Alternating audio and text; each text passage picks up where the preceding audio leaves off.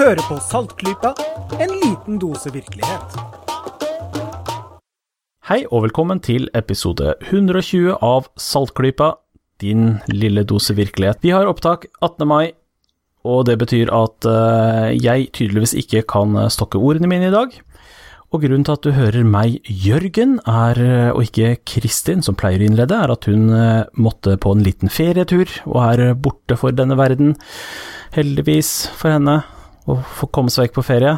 Og jeg bare rabler i dag, men det går fint, for vi har med oss andre folk som kan hjelpe oss gjennom denne vanskelige dagen, for eksempel Marit. Ja, hei, jeg er her. God dag. Og vi har Bendik. Og Jeg skal hjelpe til. Det er bra. Og vi har i tillegg Lisha. Hallo, hallo, alle sammen. Så bra! Har alle overlevd Eurovision Song Contest 2016?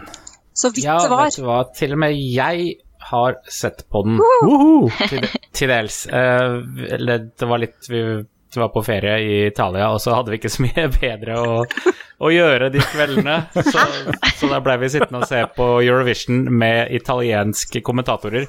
Så Eh, og de, de kan ikke holde kjeft, forresten, eh, hvis du noensinne har lurt på det. Snakket de på så sangen, altså? Nei, men de satt og prata kontinuerlig imellom uh, sangene. Ja. Og tok alle sjanser til å prate Vel, nå kan ikke jeg italiensk, så jeg skal ikke prøve å påstå at jeg forsto hva de snakket om. Men han derre russeren, han gjorde et skikkelig bra koreografert show, syns jeg. ja, det vi satt og sa hos oss, det var jo at uh, han kommer til å få utrolig mange stemmer, for folk har bare så utrolig lyst til å se det showet der en gang til og finne ut hvordan i alle dager gjorde han dette her. Ja, det er så det jeg Og det tenkte på. var jo Det var jo eh, Det slo jo til, da. For eh, hadde det vært bare publikumsstemmer, så hadde Russland gått av av seg. Men det var det Ja. ikke, og derfor gjorde de ikke det. Sånn sett. Min, Er det noen eh, som har kommet og sagt hvordan han fikk til de stunsa sine? Eh, Eller det er jeg mulig. tenker jo i hovedsak på den klatringen opp uh, veggen, bare. Det er mulig det er gjort, men jeg har ikke satt meg inn i det, for jeg vil heller bevare magien. Jeg Oh. syns jo at jeg så at den var veldig skeiv, liksom. At den lente seg ut i rommet. eh, Eller rettere lente seg bakover fra, fra fronten. Eh, sånn at eh, Men det må jo ha vært noen små hyller der da, som man kunne sitte på. Det var veldig kult. Ja, Jeg lurer på om det var et fleksibelt lerret med noe trinn bak. Uh, det var en kul Ja. idé. Det var i hvert fall eh, noe trinn der som han tråkket på, og han har visst gått en god del på snørra i løpet av den uka som går forut for eh, hvor de øver inn dette. Eh, så har det ikke vært fullt så elegant som det var eh, på lørdag, for å si det sånn. Ja, ja, det var morsomt.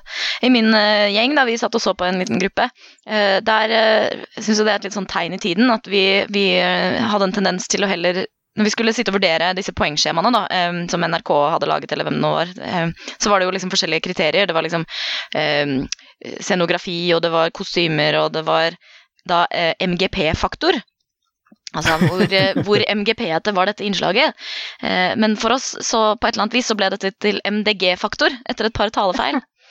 Eh, og det var jo faktisk noen litt morsomme vurderinger å se hvordan MDG-faktoren var, altså Miljøpartiet De Grønne-faktoren var på de ulike innslagene. For det var sånn, ja, her var det unødvendig mye bruk av, av pyroeffekter. Det er veldig sløsing med energi. Eller eh, å nei, her kommer det masse mikroplast ned fra taket i form av konfetti. Uff og uff, dette havner i verdenshavene. Så det var også en morsom vri, da. Jeg tror kanskje det blir en kategori eh, neste år. Ja, hvorfor ikke? Men jeg vil nok tro at eh, MDG-faktoren går tvert imot MGP-faktoren. Ja, det er jeg redd for. Eh. Fra den linken som NRK sannsynligvis ønsket dere skulle ta, så kan det ikke være for mye pyroteknikk. Nei. Det er rett og slett ikke mulig. progressive unge mennesker som meg selv, vet du, vi gir heller poeng for MDG-faktor enn MGP-faktor. Ja, det var nok en Så- uh, freudian glipp. Ja. Ai, ai. Men åssen syns du det var, Lisha? Eh, jeg ble positivt overrasket, faktisk. Eh, for dette var jo SVT som var eh, arrangøren. Og jeg hadde forventet veldig mye mer eh, politisk eh, korrekthet trøkt ned i halsen på publikum, som eh, SVT gjerne har for vane. Eh, men de klarte faktisk å holde seg til saken, og det var eh, pausenummeret. Eh, det var jo da først Justin Timberlake, som eh, folk sikkert har fått med seg. Eh, og det var litt morsomt. Jeg regnet med at han var med fordi dette bevist, som vi snakket om forrige gang, for første gang eh, i USA eh, i år. Eh, Men de fikk ikke sett den. Eh, det var reklame når eh, Timberlake var på scenen i USA. Eh, fordi det var noen ny, ny låt som de ikke hadde tillatelse til å vise, eller et eller annet. Så Det var noe guddet var jeg- rettighetsgreier, De bare ville ha en reklamepause. Ja, det var noen rettigheter eh, som gjorde at eh, amerikanerne fikk ikke sett amerikaneren. Eh, men deretter da, så hadde de jo et eget eh, pausenummer, eh, som var et shownummer som gikk ut på hvordan, hvordan ta og kombinere elementer fra alle vinnerlåtene låtene til å få en garantert supervinner. Eh, og det var faktisk eh, veldig underholdende. Det var Eh, veldig bra. men for å bare si det for de som kanskje ikke satt og så på dette her, da, hvis det skulle være noen av våre lyttere som ikke ser på Eurovision, det er jo svært usannsynlig. Men i tilfelle det ikke var noe, så var det altså slik at de to store favorittene endte på andre- og tredjeplass, og det var altså Ukraina som vant. Og jeg tok to lærdommer ut av lørdagens finale, og det var for det første at den nye eh, opplesingen av stemmene, den var veldig, veldig bra, og den bør absolutt beholdes. Eh, det var det første, og det andre er Hva gikk den ut på, da, for de som ikke så det? Russland. Alle hater Russland, er den andre lærdommen her. Det som eh, den gikk ut på, var at man delte stemmene i to. Før har det alltid vært slik at hvert land har tatt eh, sine jurystemmer. De er jo klare allerede før lørdagen, for de gis basert på eh, andre generalprøve på fredag kveld. Eh, og så har man tatt eh, publikumsstemmene, som kommer inn selvfølgelig i den delen av showet hvor publikum kan stemme. Så har man lagt sammen dette. Og så har man fått poengsummene 1, 2, 3, 4, 5, 6, 7, 8, 10 og 12 fra hvert land. Men nå ga de først jurystemmene på den måten, og da fikk man jo en viss fordeling. Og da ledet eh, min favoritt Australia kjempestort. Eh, men så kom de da med publikumsstemmene, hvor hvert land fikk én pott. Ikke sant? At, eh, og 26 stemmer går til et eller annet. Eh, og det gjorde jo at ting kunne snu seg fullstendig, og det gjorde det også. Um, og det var litt morsomme var at som sagt så hadde fagjuryene de hadde Australia på topp, mens folket hadde Russland på topp. Men ingen av dem vant, for når man la sammen dette, så ble det altså eh, flest stemmer til Ukraina. Eh, men det var veldig morsomt å se på det, for det gjorde at uh, f.eks. Polen, da. Eh, en av mine venner som jeg så sammen han heiet veldig på Polen, og han var veldig, veldig skuffet, eh, for de lå jo nest sist når juryene hadde kommet med sine stemmer. Men De hadde bare syv poeng, det så jeg. ja, de hadde nesten ingen poeng. Det var vel, da var Tyskland som gjorde det verre enn dem. Eh, Så Pablo var veldig lei seg på Polens vegne. Men så kom da publikumsstemmene, og polakkene har etter hvert en ganske stor diaspora, og de er veldig nasjonalistiske på en veldig god måte. Og de samler seg og stiller opp for Polen. Så når det, da publikumsstemmene kom, så føyk Polen opp til Jeg husker ikke hvor høyt de kom, men det var veldig, veldig mye høyere enn nest siste plass. Eh, så det var veldig morsomt å se. Plutselig så forandret ting seg fullstendig. Og vi reiser da altså til neste år, eh, sannsynligvis til Kiev, men eh, hvem vet? Det kan kanskje være noen andre byer også som er store nok og har stor nok arena. Det har jeg faktisk ikke satt meg inn i hva gjelder eh, Ukraina. Men de ble altså vinner med en låt som har fått ganske mye pepper, fordi den er Kritikerne mener at den er veldig politisk, og det er den jo selvfølgelig. Men argumentet deres er at den handler om noe som har skjedd tidligere. Låta heter 1944, og handler om en hendelse som da skjedde i 1944. Eh, Så slik sett så mener de den er ikke politisk, for det handler om noe som eh, Fordrivingen av krimtatarene handler om, og eh, sangerens bestemor var en av disse, hun opplevde det, og da må man jo få lov til å synge om hendelser i familiehistorien. Men saken er jo at det samme er jo i ferd med å skje nå. Um, folk fordrives fra Ja. Og derfor, da. Ja, veldig åpenbar parallell, men samtidig så går det jo ikke an å si at det skjedde ikke med bestemora di. I Nei. 1944. Så det er på en måte egentlig umulig å argumentere mot begge stillingene der. Um, ja, men jeg personlig syns at eh, det var eh, feil vinner, fordi det er en låtskrivekonkurranse, og denne låta var helt klart langt fra den beste. Den var er ekstremt umelodisk. Eh, hvis jeg nå fikk valget mellom å bli skutt i hodet eller nynne den låta, så måtte jeg bare ta en kule. Det var da veldig Jeg kunne meg var den litt sånn nynne jeg synge ikke helt. noe som helst for å redde livet mitt, altså. Jeg har den lille strofen, den har jeg. Men det jeg husker best, var liksom fra scenen, når hun ligger på bakken, og så kommer det tre sånn skytende ut av gulvet opp i bakscenen. Ja. Det var veldig gøy. Eh, Men det er liksom det man sitter igjen med, da. Det er den opplevelsen. Ikke liksom Jeg kan ikke gå nynne på den sangen så veldig mye.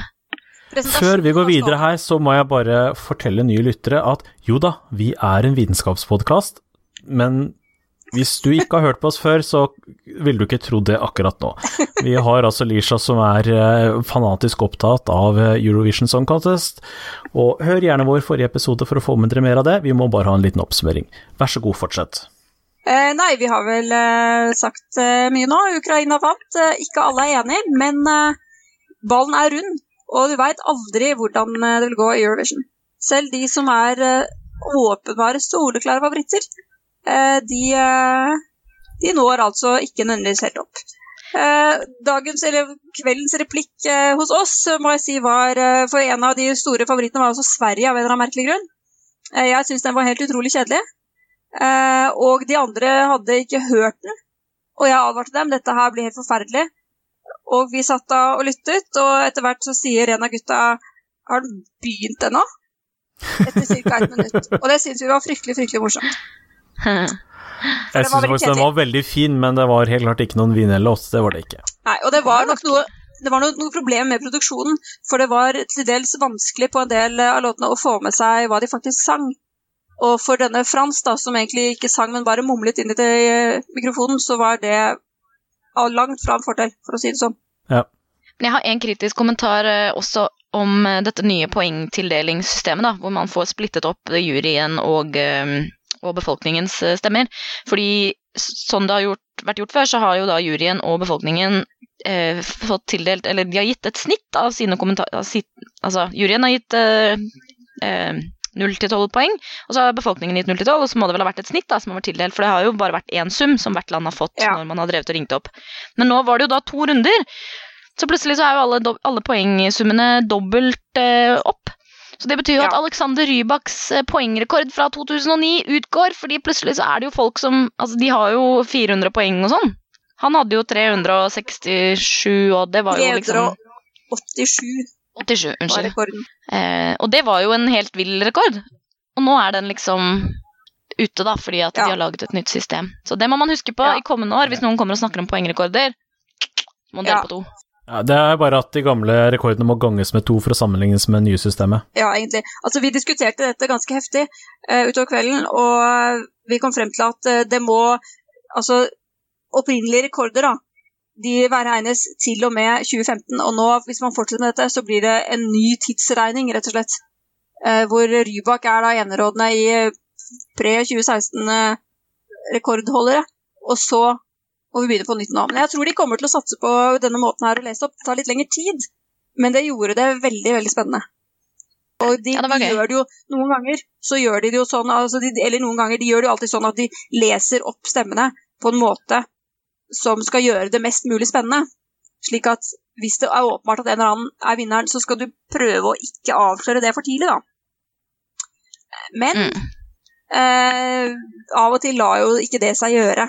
Men nå, ja, kanskje det vil kunne la seg gjøre likevel. Eh, og holde på spenningen, da. For det er klart, det er ikke så veldig gøy når du liksom 18 nasjoner har avgitt stemmen, og allerede er vinneren klar, så gjenstår det liksom 27, og så skal du sitte der og bare vente. Det blir litt Men det tar jo lang tid da med dommerne på den måten, og så, kult, og så vet man jo at alt kan snu seg så fort etterpå. Men når publikumsstemmene kommer, så er det liksom ikke vits i å se på den første halv, første to tredjedelene av den poengutdelingen, da, for da vet du at det kan snu seg når poengene fra publikum kommer uansett. Men dette er jo et veldig interessant og matematisk problem, og litt sånn statistikk i det også, ikke sant? Viktig å ha riktig grunnlag for eh, de rekordene man påstår at finnes og sånn. Så der kom eh, den eh, vitenskapsteoretiske vinklingen. Ja. På søndagen etter finalen så slippes eh, hvor, hvor, hvordan stemmen gikk, i hvilke retninger, og også eh, stemmegivningen i eh, semifinalene. Så da kan man jo begynne å grave og regne og eh, sammenligne, da, hvis man er matematisk interessert. Eh, det er da store muligheter for det på søndagen, for da slipper jeg sagt alle disse tallene. Så bare å sette i gang. Har vi klart å runde av eh, Eurovision for denne gangen? Jeg vil si det. Klarer du å la være å snakke om det fram til eh, neste år, Lisha? Nja Vi kan jo begynne. De begynner jo å velge. Albania er den som eh, velger låt som lagd først, og det er i slutten av desember. Ja, ok, Så vi det var ikke, ikke begynne, egentlig meninga at dette skulle være en måte for deg å begynne å prate mer om det på. Vi skal prøve å gå videre, folkens.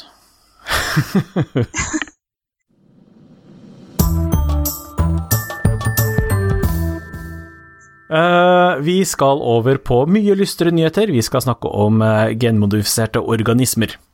Det er jo et tema som eh, lager mye overskrifter, forarger mange mennesker, gleder mange mennesker, metter mange mennesker, eh, osv. Eh, det er rett og slett veldig mye stridigheter og dragkamp rundt dette fenomenet GMO, genmodifiserte organismer.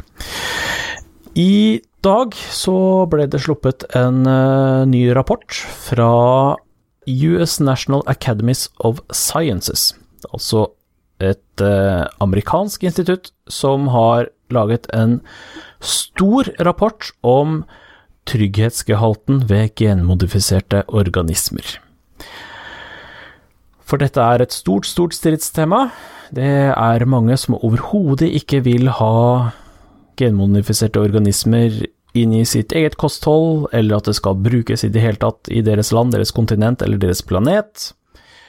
Og så står folk på barrikadene og skriker til hverandre, for eh, mange GMO-arter er populære hos produsenter eh, og enkelte andre.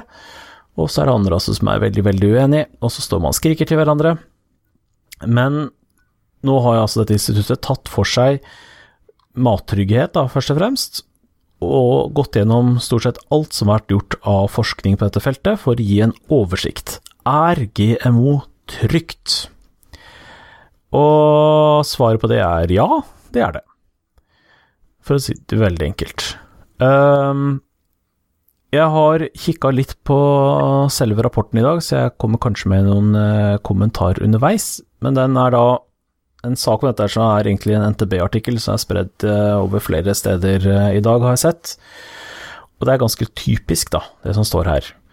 Eh, jeg kan f.eks. starte med en fra Nasjonen.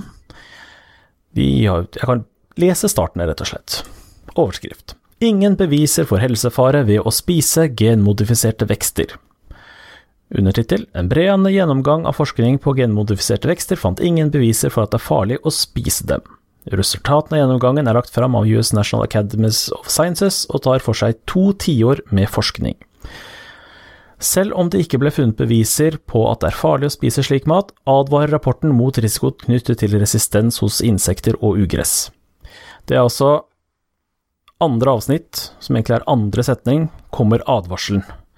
Når du leser faktisk rapporten, så er ikke det inntrykket du sitter igjen med at uh, de sier det er trygt, men Nei, de sier det er trygt. Eh, Det lille mennet de har, er egentlig at uh, det er ikke all forskningen som er dekkende nok til at du kan trekke altfor bastante konklusjoner. Det er noen ting man må se nærmere på osv. De er litt sånn vage, men det er veldig typisk når norske medier skal skrive om det, at andre setning, da tar de fram det som er trukket fram av risikoer. Det var litt morsomt nå når du leste opp, så åpnet jeg Dagbladet sin eh, lenke for å se hva de hadde skrevet, og det er jo selvfølgelig nøyaktig den samme NTB-meldingen. Eh, Ja. Så jeg leste jo ordrett av mens du leste. Ja. Ja.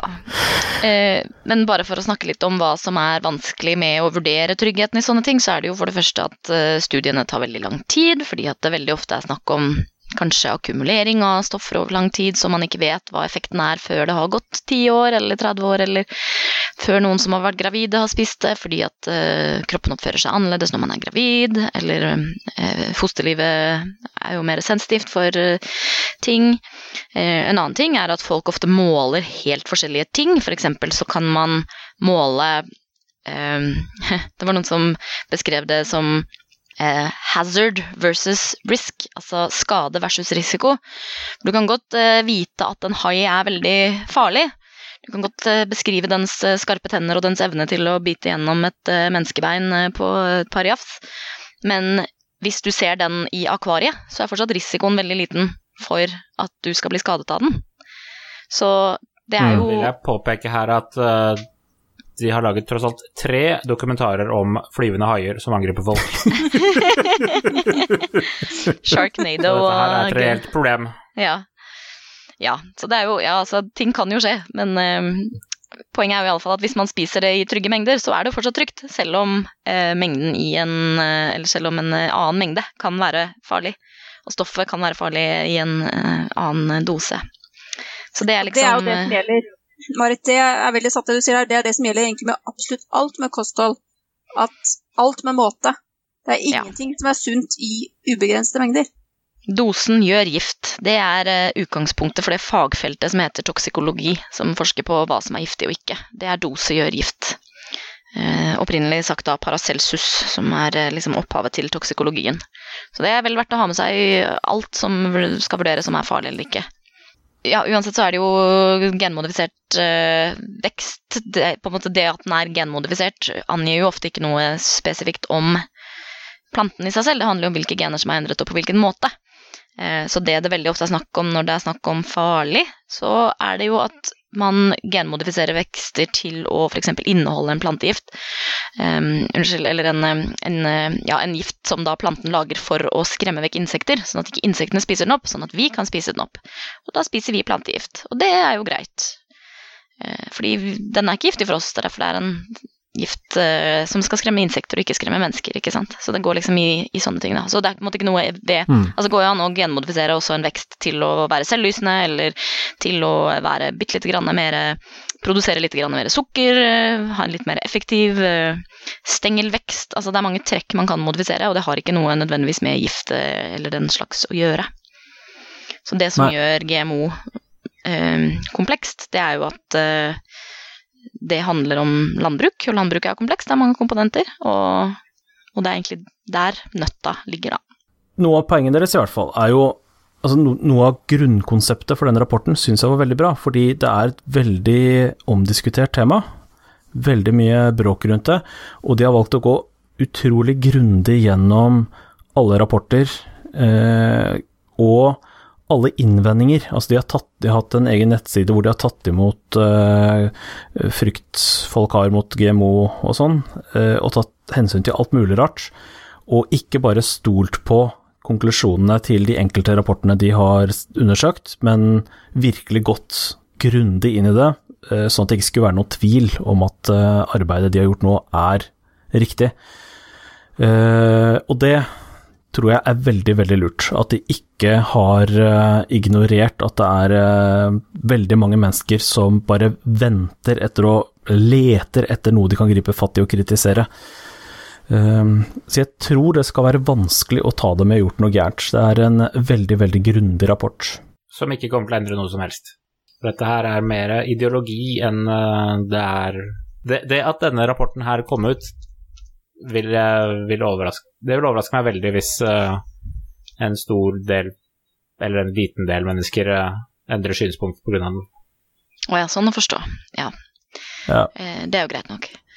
Eh, Jeg hadde bare lyst til å si en ting til om genteknologi, og det er jo at eh, denne studien her sammenligner jo også litt grann med eh, eksisterende teknologier. De har f.eks. et sitat som sier at Komiteen er klar over at det er vanskelig å avsløre langsiktige skadevirkninger, så fant den ingen dokumenterte beviser for at det er noen forskjell i menneskers helserisiko mellom genmodifiserte avlinger og avlinger som er dyrket frem på tradisjonelt vis. Og det der, der med hva som er dyrket frem på tradisjonelt vis, det er jo også ganske interessant, fordi eh, tradisjonell eh, eh, skaping av nye sorter, det har jo lenge vært gjort med bestråling. Rett og slett at du sender frø gjennom en strålingskilde for å indusere mutasjoner. Det er jo en form for genmodifisering, men det teller ofte ikke som det. Det er ikke det folk tenker på når man snakker om genmodifiserte organismer. Eh, For da tenker man på klipping og liming, som jo er en mye mer sånn målrettet teknologi, da, hvor du klipper ut én ting og limer det inn et annet sted, heller enn at du bare bombarderer det med stråling som induserer feil som du ikke har kontroll over, og så må du liksom avle opp planten for å se om det blir noe bra eller noe dårlig. Så det er, sant, det er liksom dette her som gjør at det er så komplisert også å forstå det, fordi teknologiene vi har brukt, eh, gjør også mange av de samme tingene som det den nye teknologien av genmodifiserte organismer gjør. Eh, Mm. mm. Så syns jeg også det var veldig fint å eh, bare lese avslutningen her eh, til hva de har sagt. De har sagt f.eks. at komiteen tar til orde for sikkerhetstesting av nye plantearter, uavhengig av om de er utviklet ved genmodifisering eller tradisjonelle metoder. Det er viktigere å se på sluttproduktet enn prosessen, mener komiteen. Og det syns jeg også er et veldig viktig poeng. Fordi det er eh, farlige ting i hvordan vi har pleid å gjøre ting, og det er farlige ting sikkert i noen GMO-sorter også. Men det er det som er viktig, at vi vurderer det basert på hva det er blitt, og ikke setter det stempelet på en prosess som kan skape både ja, ting i ulike retninger. Noe av det de var inne på i deler av rapporten, er at eh, GMO også handler om Altså genteknologi, da, handler også om å analysere plantene på en bedre måte. At det er en teknologi som bør utvikles mer og finne måter å analysere mattrygghet av planter, og da spiller det ikke noen rolle hva, hvordan man har framavlet disse plantene, eh, men det handler bare rett og slett om mest mulig effektive måter å finne eh, potensielle farer ved mat på, eh, som da kan appliseres på absolutt all mat. Så det er noe av det som kan komme ut av framtidig forskning. Ellers så så du ikke bare på det med å spise mat, de så jo på litt andre ting også. Så er, eh, rapporten er delt opp i ulike kapitler med diskusjoner og konklusjoner. Og Jeg har et spørsmål. Hva annet enn å spise mat gjør vi med den? Lytter til den? uh, vi samhandler med denne maten annet enn å spise den. F.eks. så dyrker vi den. Og det kan jo være at del... ting sprer seg fra åkeren til grunnvannet, f.eks. Eller at man dyrker noe som man så mater til kua, og så havner det i deg derfra. Ja. Spesielt eh, også Det er mye snakk om eh, at eh, genene fra da modifiserte sorter vil spre seg til ville populasjoner, sånn at man får en ensretting av eh, da liksom mais i verden. Altså det slutter å finnes masse forskjellige typer mais, det blir bare én type mais for hele verden. Men det gjelder jo også egentlig tradisjonelt landbruk, da, at gener kan spre seg fra det man dyrker til ville populasjoner.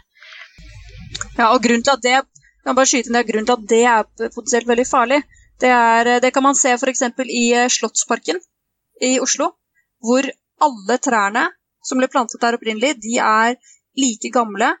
De kom fra samme gartneri til samme tid. Og det vil si at én sykdom kan drepe alle disse trærne. Nå driver de og bytter dem ut med å bytte med ulike arter, ulik alder, ulikt opphav. Det er det som er poenget med biodiversity, hva heter det på norsk? Biodiversitet, kanskje? Eh, biologisk mangfold, nettopp. At kommer det en sykdom som tar en art, så forsvinner bare den arten, f.eks. bare den maisarten. da og de andre maisartene har en motstandsdyktighet som gjør at de overlever. Men er det bare én eneste maisart, så er det bort med alt som er av mais. En av kritikkene mot eh, GMO er eh, at det blir eh, for mye monokultur. At liksom alle dyrker én type, eller bare noen veldig få typer som eh, frøprodusentene har eh, fått fram gjennom klipp og lim av gener. Og det har de faktisk ikke funnet støtte for at det er en realitet, når de har undersøkt det i denne rapporten. De kan ikke se noe tydelig system på det, og i noen tilfeller så ser du at de som bruker GMO-organismer, eh, i en del tilfeller har større biodiversitet totalt sett. Og det som også er med det, er jo at den innvendingen gjelder jo også for tradisjonelt landbruk. Altså Hvis alle kjøper sine frøsorter fra Felleskjøpet, alle kjøper sin hvete fra Felleskjøpet, så blir det ikke så mye spelt. Da blir det ikke noen gamle sorter. ikke sant? Det handler jo mer om eh, en ensretting av landbruket, at vi forbrukere ønsker oss nøyaktig likt produkt. Vi vil vite hva det er vi får, så vi ønsker oss at det skal være likt på alle mulige steder. Og da må bøndene forholde seg til det, og de kjøper da likt eh, frø, da. Like frø og, og like, satse på eh, ensartet avling. Men uh, vi ser jo egentlig en mottrend til det nå, da, altså med fokus på lokalt uh, og liksom artisanal, eller hva man kaller det på norsk, altså sånne særegne sorter. Det å kjøpe spelt, det å kjøpe nykverna mel fra en lokal mølle istedenfor å kjøpe regal hvetemel. Så, så ja, da Det kan hende at dette her Altså, den trenden er jo helt uh, åpenbar. Man ser at det er en interesse for det. Mm. Har du en lokal mølle oppe på Sagene? Eh, På Sagene har jeg ikke, men jeg vet om eh, steder jeg kan bestille det fra nettet og få det levert. Sånn eh, s- steinmøllet mel eh, Husker jeg ikke hva de heter, men jeg vet nå om, eh, om et par steder hvor man kan få det. Jeg, synes, ja, altså jeg hørte, bare Hvis jeg kan ta en bitte liten digresjon på dette her, eh, det med ensartethet og mangfold, så hørte jeg en veldig god episode av en, eh, en podkast. Her er en mm. snikanbefaling av en podkast som heter 99% Invisible, som handler om design. Og egentlig om på en måte hvordan ting har blitt som de har blitt, i stor grad. Og en av episodene der handlet om brød. Og han snakket da om at før så var jo brød noe som Det var ganske mange som ble sjuke av det. Det var mye dårlig mel ute. Det var mye mel eh, altså med meldrøye i, som man får hallusinasjoner av. Og, ikke sant? Det var mye sånt, da. Eh, og hver gang du reiste til et nytt sted, så måtte du forholde deg til nye sorter og nye bakere og nye ting, og det var slitsomt og vanskelig for folk, fordi man visste ikke om man tålte det, og ofte så blei folk sjuke av det. Så når da Wonder Bread kom i USA på Jeg husker ikke når det kom, 40-50-tallet i hvert fall. Eh, kanskje det til og med var på 60-tallet. Så var det et eh, vidunder. Det var jo faktisk et vidunder. Det het Wonder Bread av en grunn, og det var fordi det var alltid likt. Du visste nøyaktig hva du fikk. Du, det kom fra en fabrikk, og du visste nøyaktig hva de hadde putta i det. Og nå er jo det det motsatte argumentet eh, av det som sies om brød fra fabrikk nå. Nå sier man nei, når det har vært kommet fra fabrikk, så vet du jo ikke hva det er i det. Da er det jo puttet masse rare ting i det. Så nå vil man ha igjen da, eh, lokalt og artisa, artisanal, som er ordet USA bruker. Men nå har vi jo heldigvis bedre mattrygghet generelt, da, sånn at så nå kan vi liksom begynne å sette pris på den lokale særegenheten igjen. Når vi har fått tryggheten fra ensrettingen i landbruket først. Hmm. Ja. Uh, ja. Det er en ting til som jeg hadde litt lyst til å si. Uh, det er jo, som sagt mange ganger nå, eh, mye bråk om GMO. Og særlig på miljøvernsida så er det jo en del som er svært ideologisk motiverte, som eh, er veldig anti-GMO, og som regel på svært sviktende grunnlag.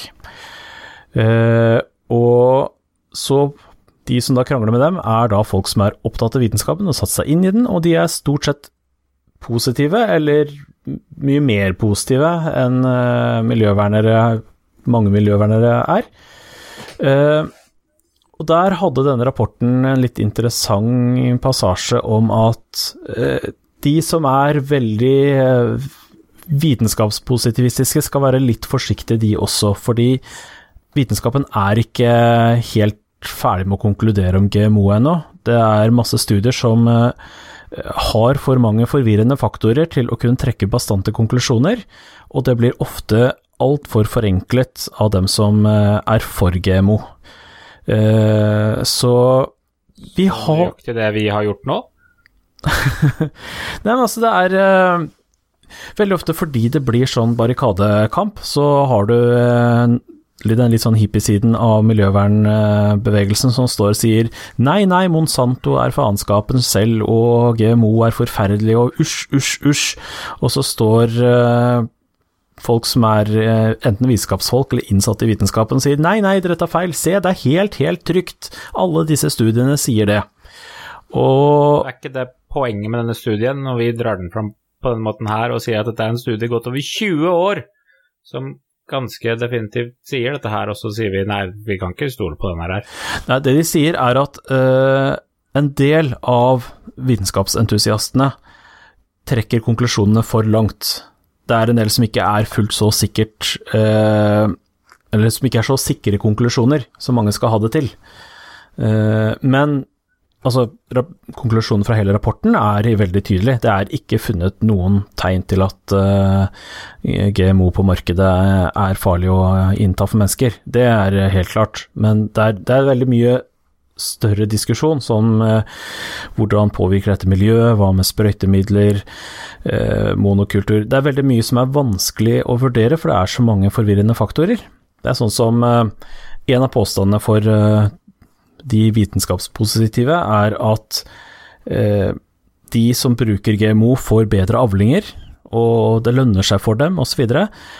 Og der er ikke tallenes tale så helt klar. Det er mange forvirrende faktorer der. Hvis det er sånn at de som bruker GMO klarer seg bedre, er det fordi de er den typen folk som er opptatt av spesielle ting og velger GMO, men at det er liksom hele bakgrunnen deres som kanskje er bakgrunnen for at de greier seg bedre. Det er mange sånne faktorer som ikke er avklart, så de eh, ønsker mye større og eh, mer kontrollerte studier for å faktisk få klarhet i disse tingene her på ordentlig. Så det. Det er faktisk mye uavklart fortsatt. Jeg er fremdeles forvirra, da. Ja, ja. Det er en ærlig sak.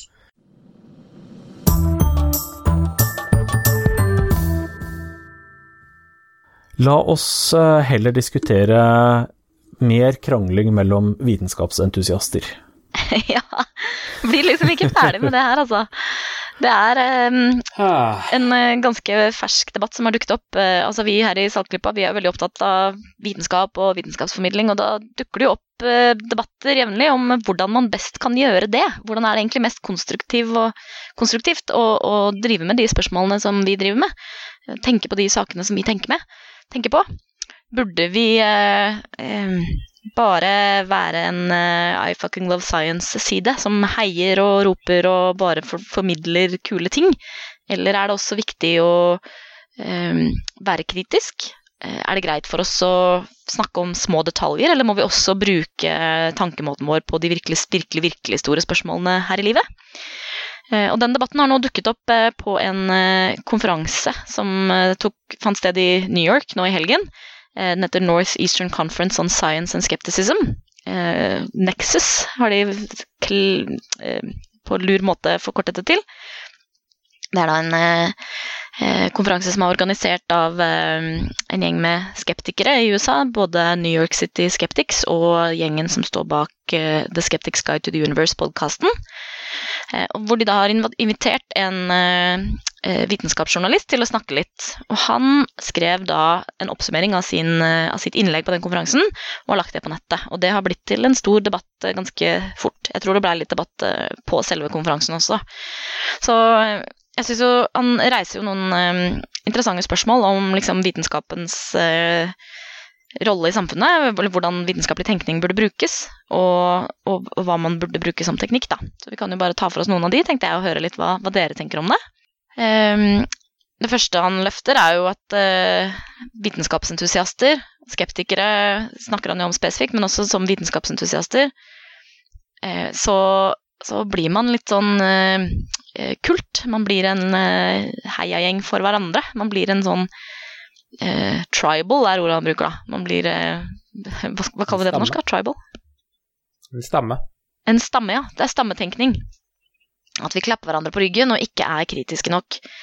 Eh, hva, hva tenker dere om det, som, som, folk som er opptatt av formidling? Er det veldig mye av det her i verden? At det er veldig mye stammetenkning? Er man redde for å kritisere seg selv og hverandre når man driver med sånne ting? Jeg er jo veldig enig med ham.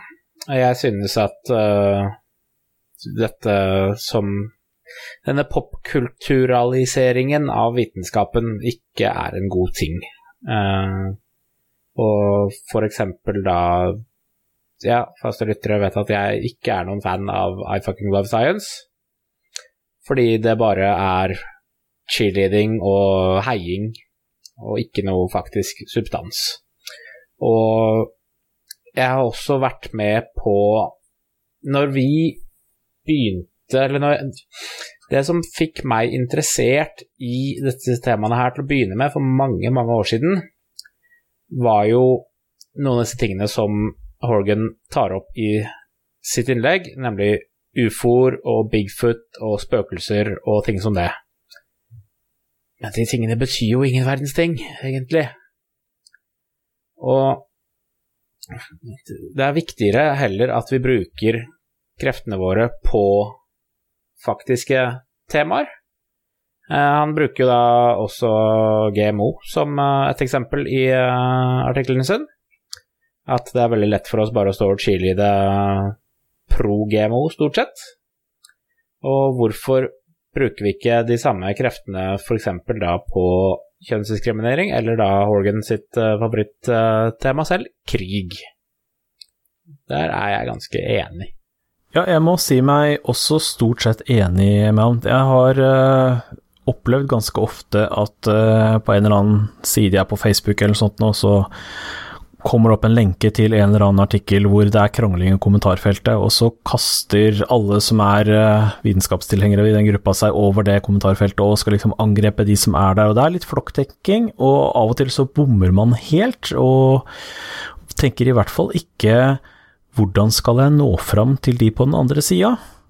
Uh, det er sånne gruppetenkinga eh, og, og, mangel på å vurdere hva man sjøl driver med, og hva det leder til, og hvilke kamper man skal ta, den jeg er enig at uh, I kritikken hans der, altså. Vi, eller vitenskapstilhengere har en tendens til å, å prioritere gærent.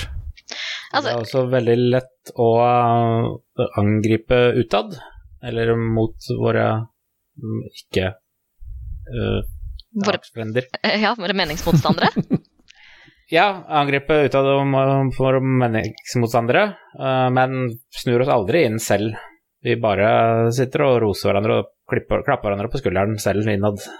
Ja, men her er jeg uenig med dere gutter. Fordi uh, altså, jeg er enig i at det er viktig at de tankene som han har, løftes. Men sånn som jeg ser det, så er jo disse tankene oppe stadig vekk. De dukker jo opp i uh, både det ene og det andre. Eh, jeg har f.eks. hørt eh, foredrag med Ben Goldacre for sånn syv år siden, hvor han snakka om at vi kan ikke bare være cheerleaders for science. Uh, han snakket også om at mange av disse småplukksakene, som ufoer og Bigfoot og sånn, de er veldig morsomme og enkle og gode eksempler for å få folk interessert i de større spørsmålene. Da, og bruke kritisk tenkning på hans spesialfelt, medisin f.eks., og kritikk av legemiddelindustrien. Så etter at han hadde begynt, etter at han hadde skrevet boka si Bad Science, som jo er løst også basert på en spalte han hadde, hvor han stakk noen eh, nåler her hit og dit, så skrev han jo også en bok om, eh, altså med kritikk av legemiddelindustrien. Så jeg syns at altså, poengene som uh, Horgan løfter i denne kommentaren som nå ligger på Scientific American, det er gode poenger, men de fins jo allerede. Dette er ikke noe nytt. Og da, dermed syns jeg egentlig at han bommer litt i sin kritikk, fordi veldig mye av kritikken hans går på at dette her er en samtale som folk ikke har. Eller det er det han påstår, da. Men det, det er jo ikke tilfellet, sånn som jeg ser det. Jeg er litt enig med deg, og så er jeg litt uenig med deg. Uh, fordi uh, ja, det er en del som har den samtalen, og har hatt den lenge. Og vi har hatt den oss imellom her på Saltklypa også. Eh, men jeg ser også at det er mange som ikke har den samtalen. Som ikke går introspektivt inn og ser eh, Har jeg rett? Eh, har vi rett? Har vi en strategi som når fram? Er det andre temaer vi skulle fokusert på? Det er en del som bare hakker og hakker og hakker på de samme tingene, og ser ikke seg sjøl utenfra. Eh, og ser ikke det store bildet. Så jeg, jeg Jeg syns det er viktig at han tar opp dette temaet. At det, uh, han sikkert tråkker en del på tærne, og gjennom det skaper debatten bare for å holde debatten ved like. Det tror jeg er veldig nyttig. Jeg kan også bare, For å spesifisere litt, så nevner han det han kaller myke mål og harde mål. Soft targets og hard targets. Hvor da myke mål er det som er liksom uh, de enkle ideene som, uh, som vi skeptikere uh, Eller som skeptikere peker, og, peker på og ler av, som homeopati og chakraer og astrologi og sånn. ikke sant? Det er liksom enkelt å, å, å, vite at det er feil, og le av det. Og sitte og klappe hverandre på, ryggen mens man ler av det. Mens de harde spørsmålene som han tar for seg, eller som han, han syns at man også må, må løfte, det er liksom mer i hvor mye feilpraksis er det i medisin, f.eks. Eh, litt mer politisk, eh, politiske spørsmål, da, som går det an å leve på jorda uten krig? Det er litt grann tøffere og vanskeligere spørsmål, men ikke bare så er de vanskeligere og mer komplekse, men det er jo også det at de har en mye videre eh, scope, et omfang, et mye videre omfang enn det disse enkle spørsmålene har. da. Så det, det, er jo også en stor og vanskelig diskusjon, egentlig. Hvor langt skal man la den vitenskapelige tenkningen gå? Skal man tenke at eh, f.eks. dersom det finnes en biologisk måte å forstå rasebegrepet på, skal det være nyttig? Skal vi forholde oss til det som vitenskapsentusiaster? Jeg syns at i hvert fall akkurat når det kommer til mennesker og menneskesyn, så er det veldig viktig at det kommer fra et annet sted enn vitenskapen. Men man kan godt Altså jeg jeg syns nesten det er risikabelt da, å bruke vitenskapen for å informere synet mitt på mennesker. F.eks. om hvorvidt det fins et eh, rasekonsept som er nyttig å bruke eller ikke. Eh, jeg, jeg vil absolutt ikke holde det unna, for jeg syns man skal bruke kritisk tenkning og vitenskapelig forståelse i så mange arenaer av livet sitt som mulig, men man skal også passe på at ikke det er grunnlaget for alle handlinger og alle vurderinger man gjør. Jeg tror noe av det altså, Han ser uh, skeptikermiljøet utenifra, og jeg tror nok derfor han delvis bommer litt på kritikken. Det er jeg helt enig med deg, Marit, at han gjør. Eh, men samtidig tror jeg også han ser litt videre enn mange skeptikere gjør. Og eksempel det med å snakke om hvordan vi ser på krig, hva krig er, hva vi kan gjøre med det, eh, og en påstand han har om at mange ser på krig som eh, noe man ikke kan unngå, det ligger i mennesket og vi kan aldri bli kvitt det. Han utfordrer det, og det gjelder å tenke stort. Og poenget er jo at disse miljøene, både skeptikermiljøet og mer sånn generelle vitenskapsmiljøer, har blitt større og mer organisert gjennom hovedsakelig internett gjennom de senere år, og det er nå mulig å sammenfatte og samarbeide på mye større områder enn før. Så kanskje tiden er moden for å tenke større, og at han eh, setter fingeren på akkurat det her. Mm, det er litt interessant. Eh, vi snakket jo så vidt om at jeg var i Sverige nylig og snakket om skeptisisme i Norge. Og da rundet jeg liksom av med det at, at eh, jeg syns jo at mange av de klassiske sakene som, som skeptikerne har jobbet med i Norge, de er liksom eh, jeg anser egentlig de kampene litt som vunnet, fordi de er litt marginale. Mens de sakene som den gjengen nå fokuserer på, stort sett er da disse problemene som, som denne Horgan eh, etterspør søkelys på, da. Som genetisk modifisering og kritikk av medisinske praksiser som er uvitenskapelig dokumenterte. Og det går på vitenskapsformidling i mye større grad. ikke sant? Sånn et gen for ditt, et gen for datt. Fins det egentlig? Um, og ja, altså jeg syns egentlig at, eh, at eh, den gjengen som tidligere drev med homopati og ufoer og sånn, har vridd eh, interessen sin ganske kraftig til mye større og bredere temaer. I en kommentar til kritikken han har fått, så sier han at jeg vedgikk at jeg burde nok ikke kalt eh, eh, innledningen min harde versus myke mål. Jeg burde ha kalt den f.eks. ting jeg bryr meg om versus ting du jeg syns du burde bry deg om. Nei, ting du bryr deg om versus ting jeg, syns, versus ting jeg bryr meg om. Eh, Så han vedgår at eh, veldig mye av denne kritikken som han retter mot bevegelsen, handler om at han selv syns at man burde bry seg om andre ting. Og det er jo en, en sånn ting som jeg stadig ser når jeg er inne og leser debatter inne på sånn feminismeforum, eller folk som kritiserer feminister og prøver å lese liksom hva, hva forskjellige sider sier. Så sitter det noen og sier at dette er så uviktig, hvordan kan de bry seg om det? Eh, og det syns jeg er en veldig dårlig strategi å ta, fordi da kan man jo anklage deg for nøyaktig det samme. Eh, hvorfor gjør ikke du noe med eh, undertrykking av muslimske kvinner, heller enn å kritisere at noen andre ikke gjør det? ikke sant? Og ikke minst er det også veldig viktig at man ikke kverker den interessen folk har. Folk har jo ulike inngangsporter for alt de bryr seg om. Så hvis folk på en måte vil komme seg inn i Hvis man begynner med kritisk tenkning for eksempel, da, gjennom å undersøke ufo-bilder, så, så er det veldig dumt av andre å stå og kritisere det for å være ikke seriøst nok, når det kanskje er en kjempeviktig inngangsport for de, eller uansett hvis det er noe som får dem til å spre kritisk tenkning og jobbe med kritisk tenkning og, og bruke det mer i sin hverdag, selv om det kanskje er en liten flik og ikke det aller, aller viktigste problemet i hele verden, så er det jo fortsatt deres inkarnasjon av en god ting. Og det er det veldig eh, lite konstruktivt å, å kritisere altfor mye. Ja. Men igjen, Det er sant. Men igjen, altså, vi folk som har vært inni det en stund, kan jo godt ha den samtalen. Eh, hva er det mest konstruktivt at vi fokuserer på? Men da må det nesten komme fra dem selv, og ikke eh, komme som en pekefinger utenfra. Det kan godt komme liksom en inspirasjon, en tanke. Er dette nyttig? Eh, vil du vurdere å endre metodene dine hvis du finner ut at dette ikke er nyttig? Ja, da kan man jo endre på det. Men, men eh, jeg syns det er betenkelig hvis det kommer som en pekefinger fra noen andre. Eh, jeg syns kanskje at han eh, treffer litt feil på en del ting, eh, men han sier jo også eksplisitt i starten at målet hans er å skape debatt, og det har han gjort. Og vi sitter her og debatterer og har konstruktive samtaler, så jeg syns ikke det er så gærent, dette her. Jeg er enig i det, og det er alltid, i hvert fall nesten alltid, en god ting å få i gang en debatt. Jeg, nå har ikke jeg rukket å sette meg så veldig mye inn i dette, som dere vet, men jeg vil si at jeg er jeg syns det var interessant å lese det han skriver. Han er jo, det var jo et foredrag, men ja da les det.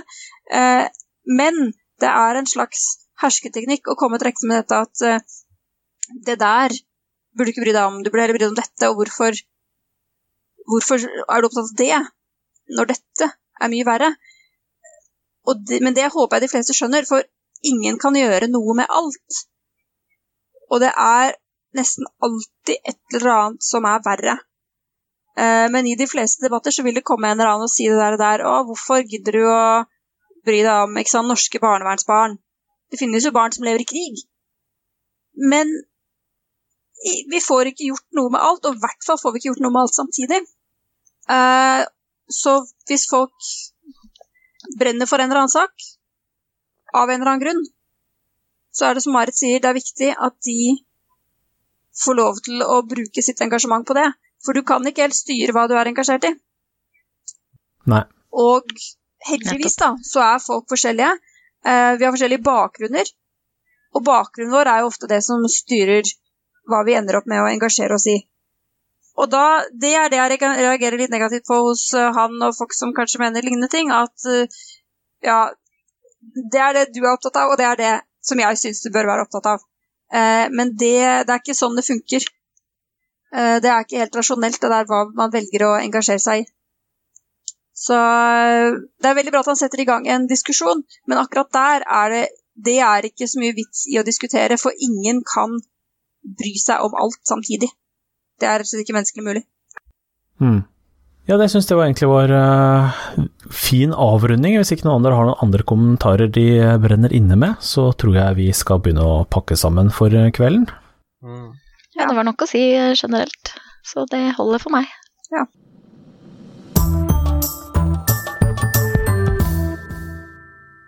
Da lurer jeg på om noen har noen anbefalinger sånn helt på tampen?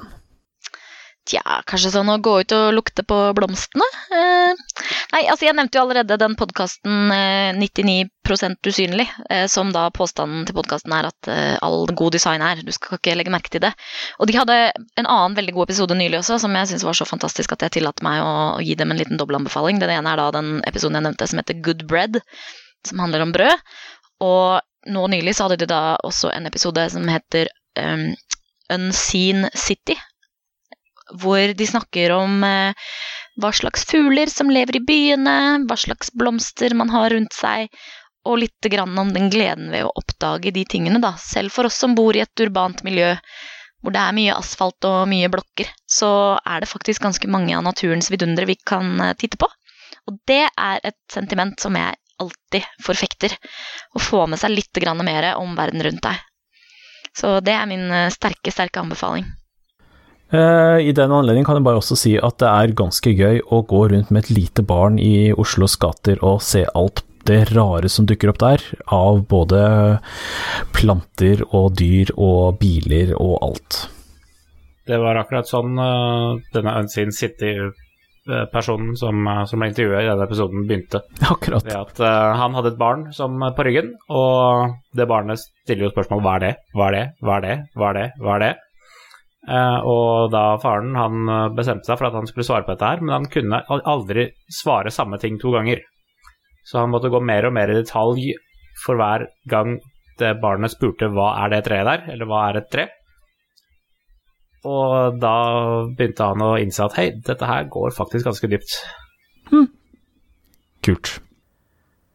Da tror jeg det er på høy tid å runde av denne sendingen. Neste gang håper jeg inderlig at vi får Kristin tilbake, sånn at dere slipper å høre på meg knapt klare å stokke en tunge i det hele tatt. Men eh, jeg takker i hvert fall for alle som var med å hjelpe meg i denne sendingen, så eh, ha det bra, alle sammen. Selv takk, og ha det bra. Saltklypa lages av Kristin Lisha, Jørgen og Bendik. Har du spørsmål, anbefalinger, ris eller ros, send det til post at saltklypa.no, eller finn oss på Facebook. Lenker til alt vi har snakket om i episoden finner du på saltklypa.no, hvor du også kan abonnere på podkasten for å få hver episode levert på døra helt gratis. Takk til Smart 9000 fra Evig poesi som har laget kjenningsmelodien.